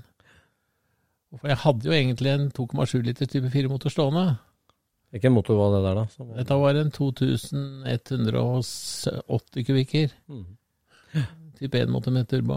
Ja. Og da vi kom hjem, da, så plutselig så ringer en telefon, og det er en som heter Ernst Wannemark som sier at jeg kan kjøpe bilen din. Ja. Og da var det ingen som visste at vi hadde bølka. Nei.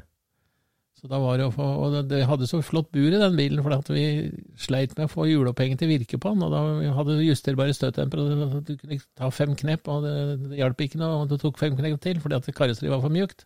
ja. Så vi bygde et bur som var liksom inni hele bilen for at den skulle bli stiv. Ja. Så selv om vi kjørte rett i railen der i kanskje 160-70 km i timen, så kunne vi lett åpne dørene. Så vi kappa den foran fronten, og så bytta vi fronten på den. da. Ja. Så gjorde vi den i stand, og så satte vi inn eh, 915 Porsche-kassa med firehjulstrekkuttak. Og den tok 2,7 litersmotoren. Mm. Så dukka det opp en bil på Brønnøy London, en bil som hadde kjørt av veien og kjørt ut, og så dette ti meter rett ned. Men ellers så var karosseriet ganske helt, men han var ganske mosa i hjulopphenget, da. Ja. Det dukka plutselig opp, og så sier gutta du må jo kjøre den nye nasjonalklassen som har starta i Norge. Og fordi at jeg skulle ikke sånn, reise så mye ut til utlandet og kjøre billøp lenger. Da bygde vi en sånn en i 86 som vi kjørte med bygden på tre uker. Mm. I eh, den RCN, Rallycross Nasjonal. Ja, den, den klassen i Rallycross Nasjonal var delt bare på 1150 kubikk, over under 1150 kubikk. Ja. Så når vi kjørte da i, i, i 87 blir det, nei 86 blir det, så kjørte vi på bommarken så var vi 84 biler i den klassen. Og én bomgiring, så datt du fem plasser ned på resultatlista. Det var 55 biler innenfor 10 sekunder, vet du. Men da solgte du den firehjulstrekkeren med den nye motoren Ja, til han Vanemaker. Ja, Mannemaker. Ja. Og så kjørte du Rallycross Nasjonal. eh, Kjørte jeg Rallycross Nasjonal, ja. Mm. Og så kjørte han med den i, i 86-sesongen, ja, 87-sesongen. Mm. Det var da vi lærte vi en del ting om smøring av vipaingsmekanismer osv., for han hadde så mye havarier med bøyde ventiler. Ja, ja. Vi mente han hadde overrusa, men så fikk vi noen tips fra et firma som het BAS, Bernt Andorf, i Tyskland, om at vi måtte kjøre med ventiløftere med breie, breie smørespor, så at vipaingsmekanismen fikk nok smøring. Ja. Vi hadde jo delvis hatt det samme problemet med den type 1-motoren i, i 85. 84-85, at vi hadde stadig havari med ventiler som butta i stempla. Og det vi så da, var at Sunni Jansson hadde turtallsperre på 5004, og vi dro ut til 7000. Ja. Og da ble eksosmottrykket for høyt. Ja. Så da skar vipparma seg på vipparmsaksla. Eller begynte å henge, da. Så butta ventila i stempla. Ja. Så vi bytta ut eh, og satte inn sånne ventiløftere med spor i. Med breie spor i på den bilen hans. da, Så kjørte han 14, var den i 14 A-finaler etterpå. Ja. Men så kom jo det beskjed om at ikke vi skulle få lov til å kjøre mer boble i rallycross, for da biler liksom hadde blitt for gamle. Jo. Samtidig som det kom en ny klasse i Norge som het eh, Supernasjonal. Så da kom Ernst Mannemaker til meg og lurte på om jeg ikke kunne bygge om bilen hans til Supernasjonal. Og det gjorde vi, tok av firehjulstrekksystemet og satte en annen sugmotor i den bilen isteden. Mm. Men eh, så kom den jo aldri og betalte. Ok.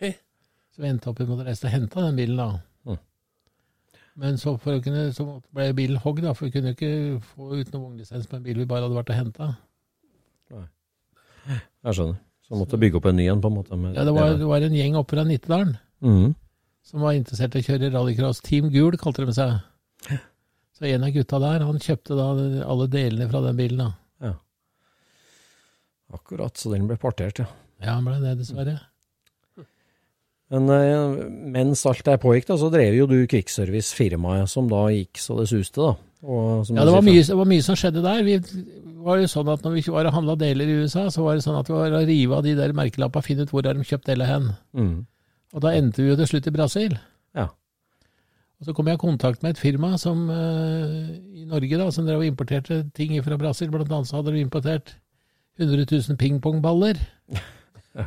som ble brukt på den store tanken de satte opp ute i Nordsjøen for at de ikke skulle få så mye fordamping av olja. Det var en sånn svær tank som sto på bånn ute i Nordsjøen. vet du. Ja, Det lå pingpongballer på toppen, ja, ja. Ok. for at olja ikke skulle fordampe. Aha. Så de hadde jo bra forbindelser i, i, i Brasil, så vi ble enige at vi skulle reise ned på Frankfurt-messa, for da var det en sånn messe for leverandører. Så ble jeg introdusert for de gutta, da, som alle de fabrikka som lå i Brasil, som leverte folkeandeler. Mm. Ja. De var ikke innsett til å levere deler bare et enkeltvis, de ville ha en, en årsplan.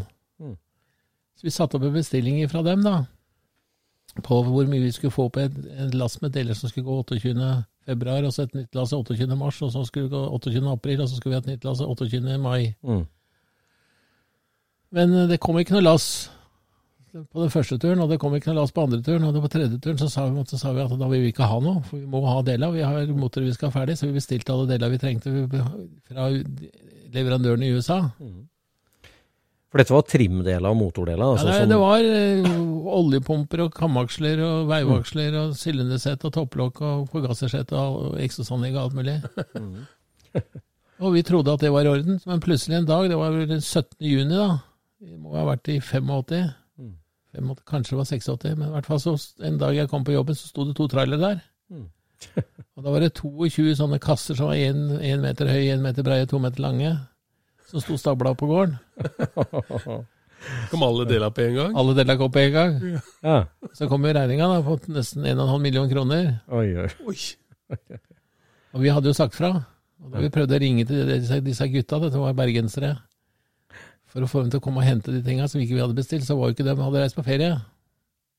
Oi, oi. Så dukka de opp etter juli måned da, og skulle ha pengene sine. Så sa vi fra at dette har vi avbestilt, og det veit du, vi har det skriftlig. Da ble det en jævla diskusjon. De kunne ikke ta disse delene retur. Og så begynte vi å diskutere, og faren min var ganske tøff. Han jobba hos meg da som kontorsjef. Ja. Så vi diskuterte oss fram, og så endte opp med en pris at vi skulle få alt for 500 000. Ja. Mot at de fikk 200 000 med en gang. Ja. Og så skulle de få 100 000, og så skulle de få 100 000, og så to ganger 50 000. Så når vi nærma oss jul, så hadde vi betalt. Ja. Og samtidig med dette her skjedde, så jobba jeg som, eh, som journalist i et blad som het Norsk Motorrevy. Og hadde jo tilgang til Og jeg fikk betalt i annonser. Ok. Så vi satte sammen sånne sett, da. Sånne forskjellige trimsett med eksosanlegg og forgasser, og, eller båndsett som var sylindersett og lagersett. og. Brasilsk eh, trimkit. Ja, alle deler som ble solgt i USA var jo stort sett laga i Brasil allikevel. Ja. Og vi solgte jo som hakka møkk da, av dette greiene, men problemet var at vi ødela litt marked for oss sjøl, for det var jo så jævla billig. Ja.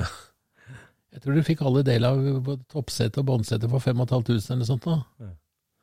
Og fortsatt en dag i dag så kommer jeg borti folk som sier vi har et sånt sett liggende, på skal bruke.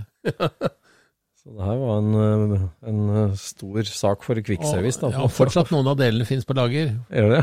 Vi hadde annet kjøpt en del lagersett til veldig stor overlim, men nå kan jo ikke Reierstad linjebore to millimeter overlim. Nei. Men jeg har noen sånne lagersett liggende. da. Ja, det er det. Men, Så for da, butikken gikk så det susa. men da tona du ned litt egen motorsportkjøring, da? På en måte utover der på slutten av 80-tallet? Nei, det ble, så, ble så spennende å kjøre den nasjonale klassen, for det var så mye tett fighter. Ja. Mange deltakere, og alle, alle bilene gikk stort sett like fort. Mm. Så i 67, så, nei, 87 så bestemte de at de skulle dele klassen i tre. i- Inntil 1150, inntil 1600 og over 1600. Og da kunne jeg ikke la være å kjøre inntil 1600. Nei. Og da hadde jeg den der bilen da, som jeg bygde i 86, som hadde dette ned som var så jævla fin å kjøre. og ble, ble satt på den ordentlige fjærveien som vi hadde fra rallycrossbilen. Da vi bygde om den fra toerstrekk til firestrekk. så, så tok vi alle de delene fletta tilbake på den. Mm. Og Den ble så jævla god å kjøre, så i 86 så kjørte jeg 24 løp med den bilen uten å skru en skru på motoren. Det var kjempemoro. Og så kjørte vi Det var 1600 volum, men da trimma så mye du klarte da, på en måte innenfor ja. Vi hadde 134 hester og syntes det var nok. Ja. Så utvikla det seg etter hvert. Så den aller siste 1600-motoren som ble laga, hadde 200 hester og 20 kg moment. Oi, oi. Altså, Det var i 2005 var den siste motoren ble laga. er? Ellers lå de sånn på mellom 170 og 180 hester. Ja, for det, du begynte jo der med Kickservice med å bygge ferdige motorer som var rødlakkert og krumma, og du solgte på pall, ikke sant? En ferdig Ja, Det som var- hemmeligheten, var at vi hadde bremsebenk. Ja. Vi kjøpte, da Dagfinn Larsen hadde så dilla på at vi skulle skaffe oss bremsebenk, så vi kjøpte en bremsebenk som hadde stått på Statens teknologiske institutt. Ja. En Hennan Freund, en engelsk bremsebenk. Og det er jo så lettvint på folkemotor at hvis du bare får spent fast i clutches der, så var det fort gjort å ta den motoren ut av benken. Så alle motorer vi leverte, de kjørte vi i benk først og justerte opp. Ja.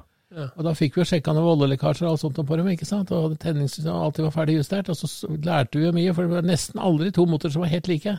Nei. Blant annet så var det veldig populært en sånn sånn 1700 kubikker som vi leverte, som var på 100 hester. Mm. Hvis du høvla topplokket to millimeter, så var den på 100 hester med en gang du bremsa, men etter du hadde stått på full belastning et minutt eller to, så hadde du bare 95. Hvis du høvla topplokket bare én millimeter, så var det 95 hester når du begynte å bremse, men så hadde du 100 hester etter et minutt eller to. En riktig, når vi bremsa jo noen del standardmotorer, alle riktige motorer blir faktisk litt bedre når de får stått litt under belastning. De går altså litt for kalde. Mm. Jeg har jo kjørt sånne 95 hesters Porsche-motorer og sånn i benken, ikke sant, og de begynner jo på 394, og så ender de på 697. Mm. Ja. Så vi lærte at hva, hva som hjalp, og hva som ikke hjalp, og hva som var vits å bruke. Og det var vits å bruke sånne dyre smidde motorene når det var så fine sylinderser det var kjøpt.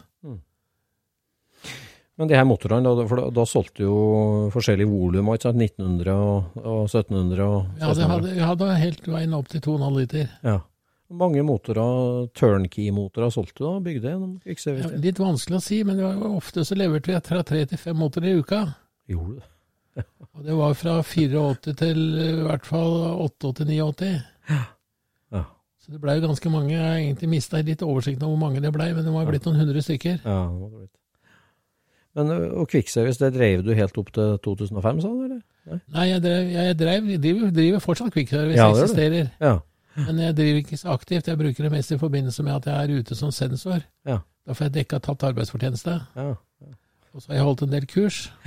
Mm. Da må du også ha et registrert firma for å få betalt for alle kurs. Skjønner. Ja, for du engasjerte deg mye i Bilsportforbundet òg, ikke sant, etter hvert? Ja, det begynte egentlig med at vi syntes det var at Martin Skanke var for mye på TV-en. hvorfor, hvorfor kommer aldri vi på TV-en? Ja. Og Så fikk vi svar da av det TV-selskapet. Kom at dere betaler ikke nok. Oh.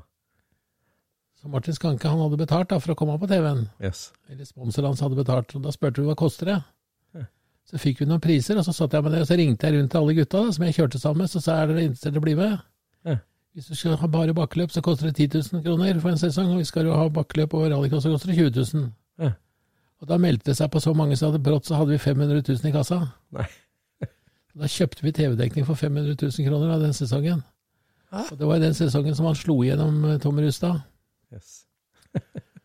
Så trodde han, og ingen tenkte på at dette er jævla mye jobb. Å sitte og gjøre dette her. Så vi starta, og da jeg sa til Tom Rustad at det blir ikke noe neste år, jeg orker ikke å drive på med det der. Dessuten så veit jeg faen hva som skjer med inntektsskatter og alt sånt når du begynner å, å sende en halv million kroner gjennom eh, lønnskontoen din. Ja.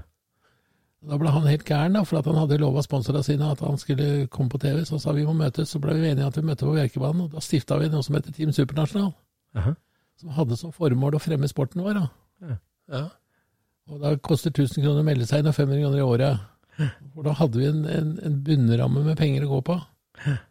Og så skaffa vi sponsorer som var villige til å være med og betale. Og så gikk jo avtalen med det, det filmselskapet om at uh, bare hvis sponsorer kommer med, så får dere betalt. For det gjelder å plassere plakater som det syns. Ja. Plasserer en plakat midt på langsida, og du filmer bilen som kjører forbi, så får du ikke lese hva som står på plakaten.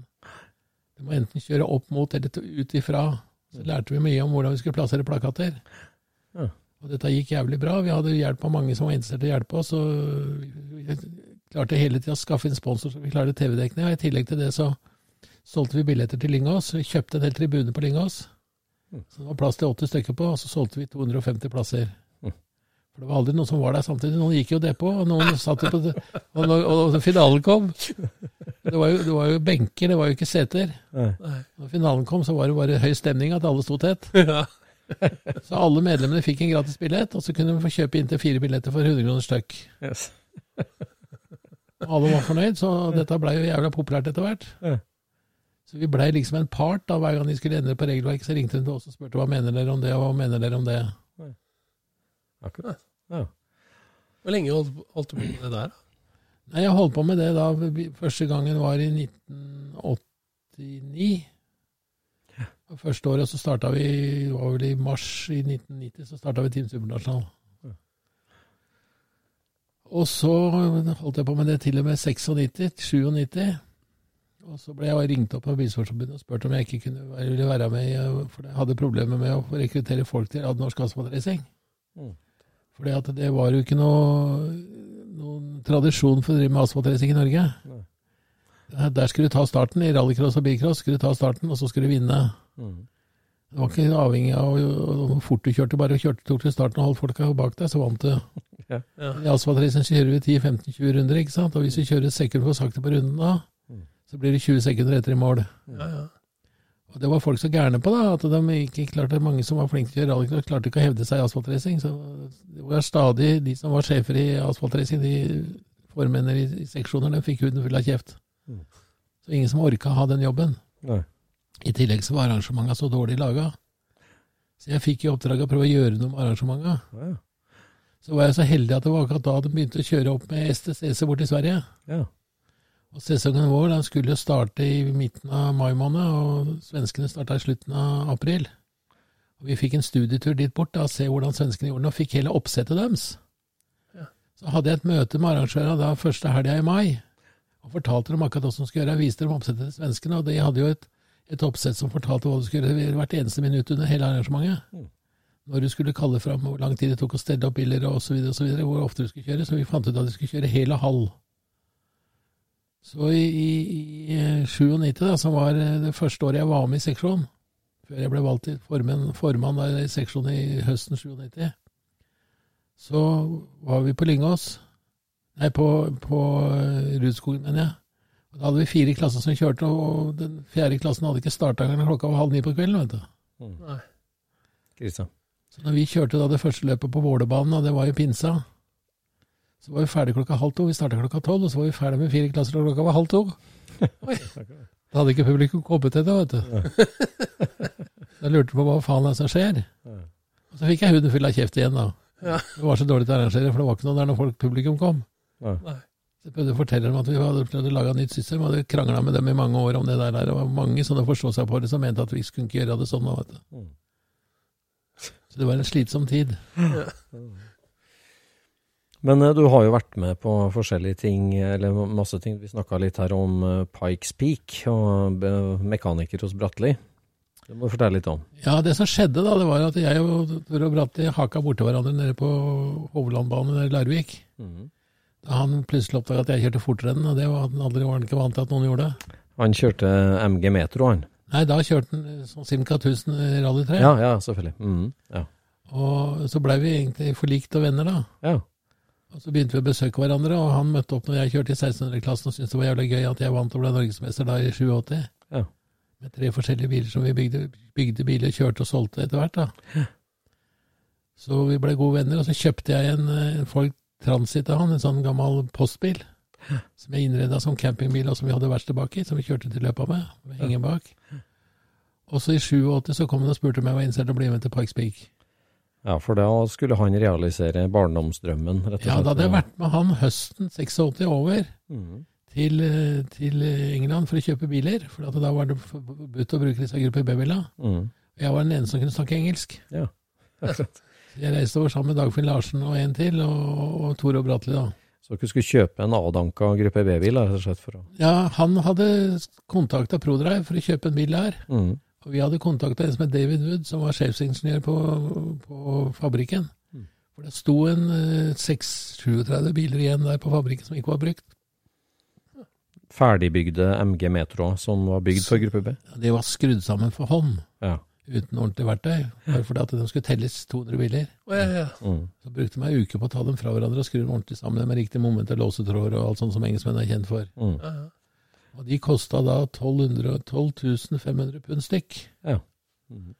Og hvis du kjøpte noen, så skulle du få med litt deler. Ja. Andreas Nærbø var også med, så vi, vi sto, hadde en ordre på fire biler, pluss den bilen som Tore Bratli hadde kjøpt. Mhm. Da de ringte til meg, og så sa de det at eh, hvis dere kjøper fem, så skal dere få dem for 10 000. Ja. Det er jo den samme prisen, ikke sant? Mhm. Fire ganger 12 500, eller, eller fem ganger til 10 000. Mhm. Men så tenkte vi ikke på at klokka Vi stiller jo klokka fram og tilbake i Norge. Så vi måtte gi beskjed innen klokka 11 dagen etter. Mm. Da vi ringte over, over der klokka 11, så sa han sorry gutter, de bilene er solgt. Ja. Bilen er solgt, så du hadde 34 i går. Ja, men det var en saudiarabisk prins som skulle ha dem for et lokalt oppgjør hjemme i Saudi-Arabia. ja. Så han kjøpte 34 biler. Nei. Det var vel bare småpenger for han. Men da hadde Bratteli allerede kjøpt ut sin, da. Ja, allerede kjøpt ut sin, ja. Og den dro dere da til Pikes Peak med. Den reiste vi til Pikes Peak med. Jeg tenkte jo ikke over det, hvor viktig det var med turbomotor i de store høydene. Jeg hadde ikke satt noe særlig inn i Pikes Peak, selv om Tore Bratteli hadde drømt hele livet om å kjøre Pikes Peak. Ja. Så han hadde bestilt hotellrom da i Colorado Springs, Ja. som ligger på 2400 meters høyde, altså like som Galdhøpiggen, ligger den byen. Men hadde han eh, en veldig feite sponsorer, kan jeg si, for det prosjektet der? der Ja, han hadde skaffa seg sponsor, han var flink til det. ja. ja. Så de skulle betale hele turen da, og, og kjøringa. Det skulle komme norske journalister over og filme osv. Mm. Så han hadde pakka alt inn i en sånn lukka henger som han sendte over til New York, og så skulle han gå med trailer fra New York og dit ned. Ja. Men vi hadde ikke mobiltelefoner sånn som vi har i dag, altså vi hadde ikke noe forbindelse om det. Vi visste bare at den traileren var på vei. ja. Og du måtte innen søndags kveld, da, før dette løpet kjørte, så måtte den bilen innen klokka sju så måtte den bilen gjennom teknisk kontroll. Og klokka seks hadde den ennå ikke kommet. Oi! Halv sju så sto den foran hotellet, men problemet var jo at dette var en sånn svær flatbent-trailer. Ja. Åssen faen skulle vi få den bilen av ja. traileren? Så kjørte vi bort Før klokka sju. Før klokka sju, og så kjørte vi bort på et verksted vi hadde fått låne, og der var det en, et søkk i, i, i parkingsplassen ute hvor det var to forskjellige nivåer på bygningen. Så fikk vi tak i en amerikansk sånn der flat Den har jo, hadde den gangen sånn flatbed-biler som du drar, kjører bilen opp på flatbed, og så drar du beden oppå etterpå. Ja. Ja, ja. Det hadde vi jo ikke i Norge, men det hadde amerikanere. Mm. Så fikk vi han til å, å stelle seg og legge flatbeden oppå der. Mm. Og så kjørte vi bilen over hengeren, da. Bilen over oss inn i hengeren. Mm. Eller hengeren var jo for så vidt da, over på den flatbeden, og så fikk vi satt den ned på bakken. Ja. Men for å få plass på den flatbeden, så måtte vi slippe ut masse luft i hjula, for den hengeren var egentlig for brei, vet du. Mm. Så måtte vi slippe den så vi hadde ti pund i hjula på den der hengeren. Mm. For å få hjula innunder og oppå for det var karmer på den der flatbeden. Ja. Og så fikk vi bilen av, og så vi, fikk vi bort på teknisk kontroll. Da. Og Det eneste som var interessert i å høre om det var tut, tute på den, horn. Da hadde den heldigvis sett at det sto i reglene at det måtte være horn. Ja. Road legal, som det het. Det skulle være løkter og sånn har du på den bilen, for det var en tidligere rallybil. Og så så eneste var innsett var horn. Og da var klokka nesten halv åtte, men de venta på oss da. Ja. Ja. Og da skulle treninga for å kjøre opp bakken. De delte den gangen bakken inn i tre etapper. Og så stengte de av bakken, og så kjørte de trening fra klokka fem om morgenen til klokka var åtte. Ja. Okay. Og gjorde de det på mandagen, og tirsdagen og onsdagen. Og torsdagen kjørte de qual, og så på lørdagen så kjørte de race. Ja. Og eh, da vi skulle jo skynde oss av gårde, ikke sant? vi var jo ganske trøtte når vi sto opp om morgenen. Vi sto opp i sånn halv to-tida for å få pakka dette å reise av gårde. Men var dere et helt team, da? Eller var, var det Bratteli og du, liksom? Eller? Det var jeg og Bratteli, og så var det han David Wood for fabrikken. Ja. Og så var det han som hadde kjøpt butikken hans, han Gard Hansen. Ja. Og, meg, og kona hans og unge hans og alt mulig. Tore og Bratteli var med på den turen. Ja. Og vi hadde fått låne en sånn Chevrolet Blazer vi skulle taue oss bort, da. Og det, starten går jo på 2800 meter, så det var litt motbakker. Ja. Og den var bare med sånn liten sekserautomat. ja. Og vi hadde glemt å fylle luft i hjula, vet du. Og på hengeren. Og hengeren, den gikk jo noe så jævlig tregt. så, du- så du svingte inn ved et sted som var en sånn eh, type dyrepark eller et eller annet sånt, og så svingte inn tivoli. Og kjørte opp, Han gjorde ikke mer enn fem kilometer i timen. Det var så du mest hadde lyst til å hoppe ut av bilen og hjelpe til å dytte. Vi trodde ikke det skulle komme fram. Men det var jo ingen bensinstasjoner oppe. Vi kunne ikke få fylt noe luft. Nei. Ikke hadde vi tid til det heller. Vi kom opp da til start der og fikk klistra på startnummer og sponsorpakker og alt sånt. For når bilen sto i hengeren, så var det ikke plass til vingen som var på taket på den der Metro 6R4-en. Den butta i hengeren. Så vi må få skru på vingene og gjøre alt i stand, og da var det klart til start.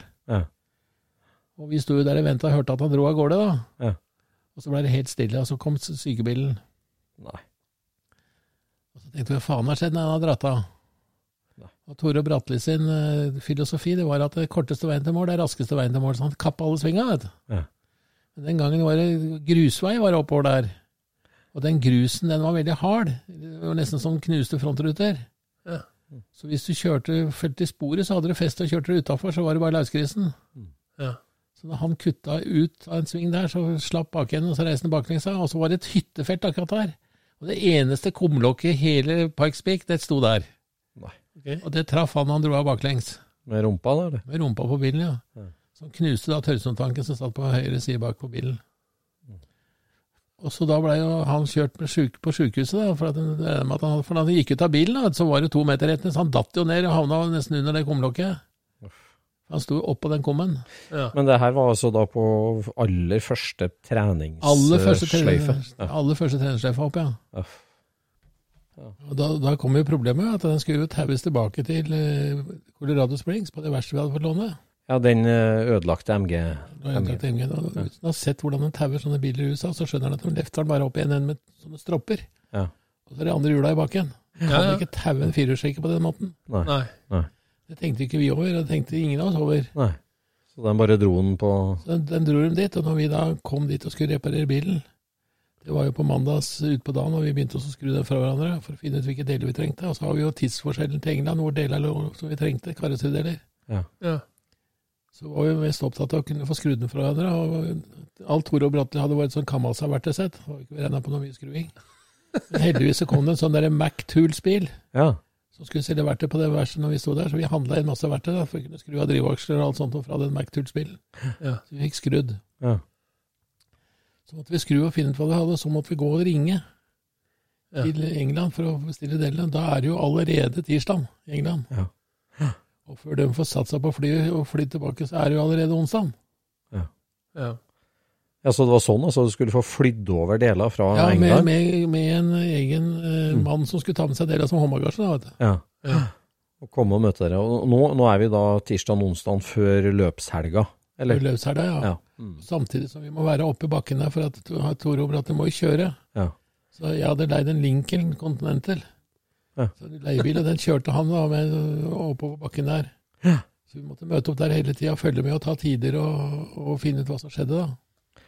Jeg skjønner ikke, altså han, han, han, brukte leiebilen til å trene med, rett og slett? Ja, han brukte leiebilen. for, å, for å bli kjent med banen og Ja, må bli kjent med bakken, så får ikke lov til å kjøre. Ja, ja, sånn. Akkurat. Altså, Men han- han så, er, kom, så, eh, så er det ikke noe flyplass i Colorado Spring, nærmeste flyplassen er Denver. Ja. Men han kom raskt ut av sykehuset, med andre ord. da. Det, var, det Ja, at du så ambulansen, det var ikke noe alvor rundt det? Nei, det var ikke noe alvorlig, men det var en vanlig kontroll da. Ja. Det var jo litt stiv i nakken etterpå, da, men for stolen og alt hadde flytta seg. Ja. Nei, Så det ble et jævla race mot tid for å få tak i de delene som skulle. Ja. Så vi var ferdige da på natt til uh, torsdag. Om natta klokka halv to var vi ferdige med å skru. Ja. Og da hadde vi blant annet og satt ut på hjula og skulle kjøre bilen, så viste det seg at vi hadde fått bremsedel til en med 16 tom, og Tore og Bratte hadde 15 toms hjul. Oi. Og da er det litt annerledes bremsekalitter. Uff. Og Da måtte vi høvle av den bremskaliliteren, slippe høl av oval og dytte så langt vi kunne inn på rønseskiva, og så, og så file den i alle ender. Men vi hadde jo ikke noe fil, hadde en liten stump av en rund fil og en black and decker-drill. Og så prøve å sette en konisk eh, stump i, i tjokksen på en sånn black and decker-drill er ikke bare lett. Nei. Vi herja noe forferdelig, og han der eh, sjefsingeniør på han David Wood, han var jo gæren som ei fele for ikke å ha vært verktøy. Ja. Så når klokka var eh, kvart over tre, så hadde vi fått på det bakhjulet. Ja. Da kom Tore og hoppa inn i bilen og tok en runde på gården. Og kjørte inn i hengeren med vingen på taket, vet du. Å nei! Nei. Da havna den rett på bakken, og der var hovedsponsoren var jo på den vingen. Oh. Og så var det bare å kaste seg i bilen og så kjøre da full fart opp. Men fortsatt ikke fått fylt luft i hjula på den hengeren. Åh, nei. Så da var det å komme seg opp dit for å få kjøre, da. Ja. Og når vi kom dit opp, så skulle jeg måtte ha på vingen, da, for da hadde disse her filmfolka fra Norge kommet. Og vi var rundt i verktøykassen til alle de, for alle var jo så hyggelige. Vi fikk titte i verktøykassen til alle de gutta som sto oppi i skauen der sammen med oss, for vi fikk jo ikke lov til å stå der på veien. Nei. Det Der hvor fabrikkstima sto. Ja. Og fant noen treskruer her, og noe, noen forskjellige typer skruer og plugger og alt. da, for Vi fikk til slutt skrudd fast og teipa med patentbånd og alt mulig rart, og fikk fista den vingen da på taket. Ti minutter før han skulle starte. Ah. Og så gikk jo starten, da, for kvalet. Og så dro han jo faen meg av igjen, vet du. Nei. Nei. Snurra av flere ganger, men da ødela han ikke bilen, heldigvis. Ja. Men vi var jo helt utslitt, da, for da hadde vi jobba natta hele tida for å få orden på dette greiene. Så da bilen kom ned igjen, så kunne vi ha den på hengeren. Ja. Og så reiste vi ned igjen. Vi hadde jo med oss litt reservedeler fra fabrikken. Vi hadde med oss ny girkasse og front- og bakdiffer og mellomdiffer og sånn, da. Ja. Så da bestemte vi at vi bytter alt. Vi bytter frontdiff, bakdiff, mellomdiff, girkasse. Alt det vi hadde, bytter vi. Ja. Så det blei jo skruing hele fredagen, da. Ja, men det var ikke noe galt med bilen etter han dro av, egentlig? Altså, eller? Jo, men problemet var at han hadde, av tauinga, så hadde mellomdiffen paia på han, vet du, så han hadde ikke noe diffsperre i mellomdiffen. Åh, Så ene øyeblikket så hadde han trekk på bakhjula, neste øyeblikk så hadde han trekk på framhjula, så hadde han Nei. trekk på alle fire hjula, så han visste ikke hva han hadde bilen, vet du. Oi. Så han vara tre ganger. Oh. Men han ødela ikke bilen noen av gangene. Men Bilen var helt ukjørbar, da, vet du, han ikke hadde mellomdiff. Ja, ja. Så ble det bestemt at alt dette skulle være bytta sånn at det var klart til lørdags morgen og løpet skulle gå. ja. Så vi jobba som bare rakkeren da, for å bli ferdig med å Men selv om han da dro av og ikke fikk et gyldig kval, så fikk han start i Fikk, fikk lov til å starte likevel. Det var så hyggelig da, vet du. Ja. Mm. Og dere hadde med en midtdiff, da? Ja, vi hadde med to svære trekasser med deler. Ja. Men det var mer enn det mekaniske ting, ikke karosserideler. Nei, Ja. nei. Så da ble det mekking hele natta igjen, og så er det start på lørdagsmorgen. Det er start på lørdagsmorgen, og fortsatt ikke noe luft i hjula på den jævla hengeren. Ja. Du hadde vel fått luft i hjula på hengeren da, men det var ikke noe mye å dra med den der eh, blazeren med bare en sekser i. Ja. Så vi kom opp der på, på eh, søndag, eller lørdagsmorgen. Og alle var så entusiastiske. Det å være på billøp i USA er helt spesielt. Alle kom og klappa på. Så fint at dere kommer, så hyggelig. og Er det noe vi kan hjelpe dere med, så bare si ifra, osv. Så. Ja. så når han starta og dro av gårde, da, så fikk vi beskjed om at vi måtte komme bort til en svær eh, van som sto der, som hadde svær TV inne i vanen. Og alle klappa oss fram og fortalte at nå går det bra, nå kjører han fint, og dette kommer til å gå bra. Og var jo filma hele veien oppover. Så hang jo helikopter i lufta der og filma dem, ikke sant. Det gikk jo direkte på TV. Mm. Alle var så positive. Han kom opp og fikk et heldig resultat. Ja. Og alle var kjempeglade. Og så var det rett tilbake, og så var det premieutdeling, vet du. Ja. Og på premieutdeling i USA er ikke som premieutdeling i Norge. Der får du komme opp, og så får du ti minutter til å takke sponsorene dine. vet du. Oh, ja. Ja. Akkurat. Gikk veldig fort for Walter Øl å takke sponsorene sine. for Han takka bare, takka bare Audi og America for den som hadde bygd bilen. Ja. Så hadde han ikke noen andre sponsorer, vet du. Nei. Mens andre hadde jo lange triader hvor de takka dit og takka datt, og bakeri der, og bensinstasjon der som hadde hjelpa deg. Men det er jo veldig fint da, at de får lov til å komme opp på scenen og, og snakke om sponsorene sine. Ja. Og så var det bare stupeseng, og så skulle vi på et fly. På tidlig på søndagsmorgen, for jeg måtte hjem til Norge. Fordi jeg skulle på en, en auksjon som var på de delene som var igjen til me, på Metrofabrikken. Skulle være på onsdag. ja. Det skulle du på. Så vi fløy hjem igjen, da. Jeg kom hjem på mandags morgen og bare stupte i seng. Og våkna ikke før eh, litt utpå morgenstida på onsdag. Oi. Oi.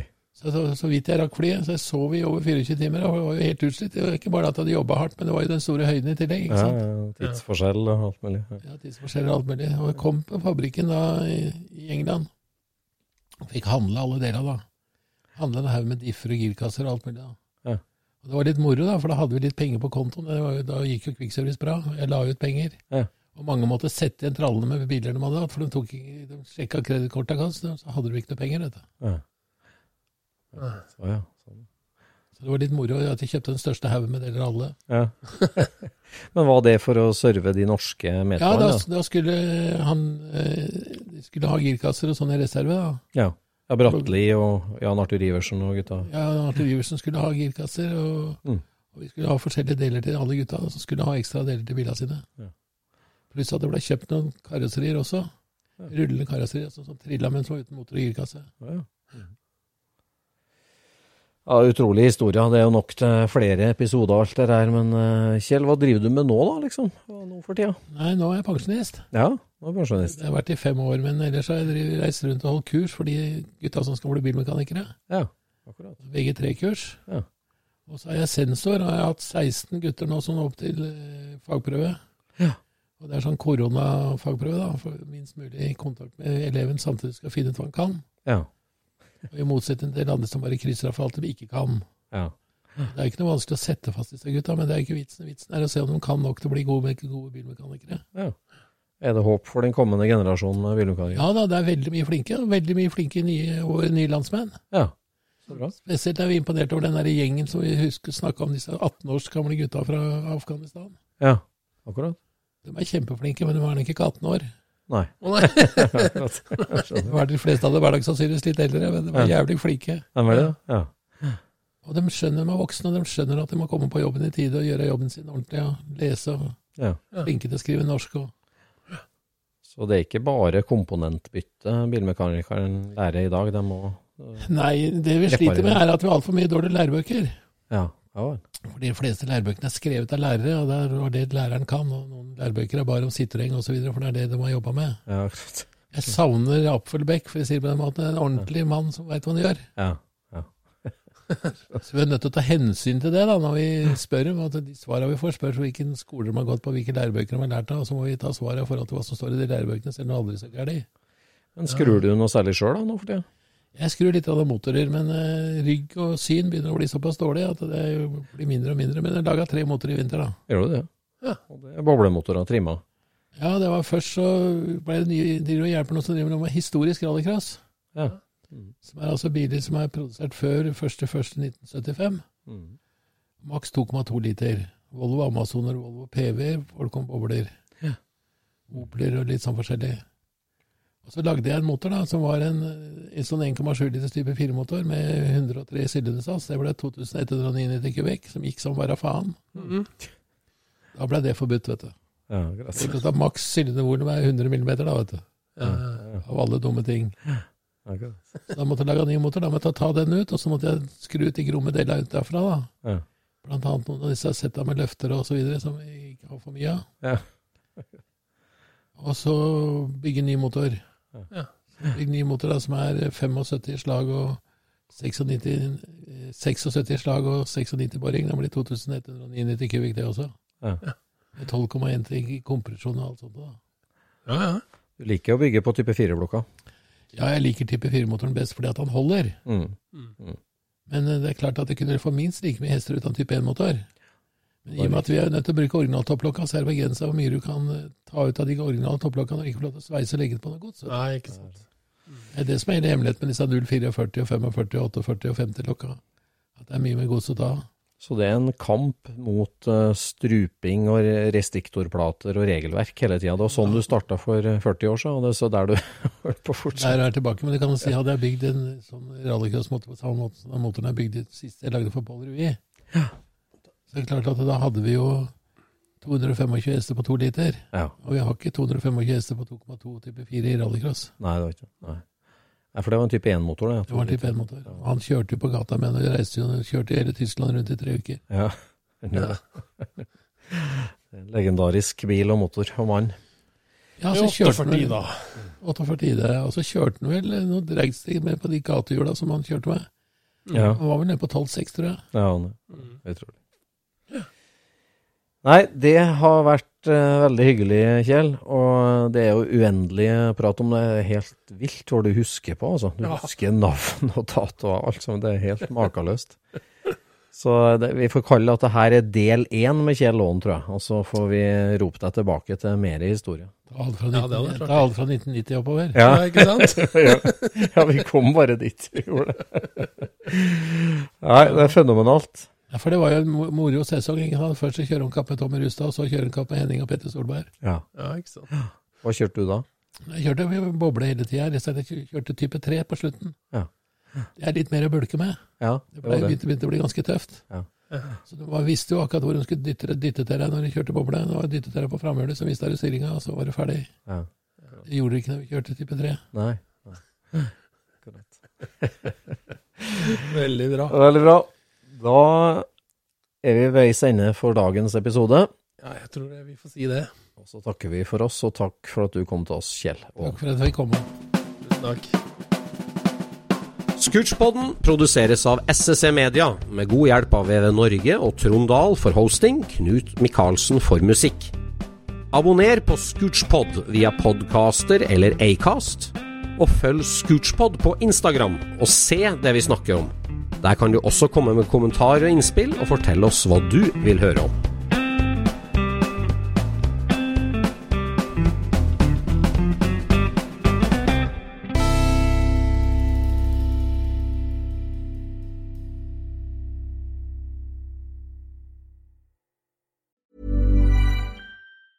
Even when we're on a budget, we still deserve nice things.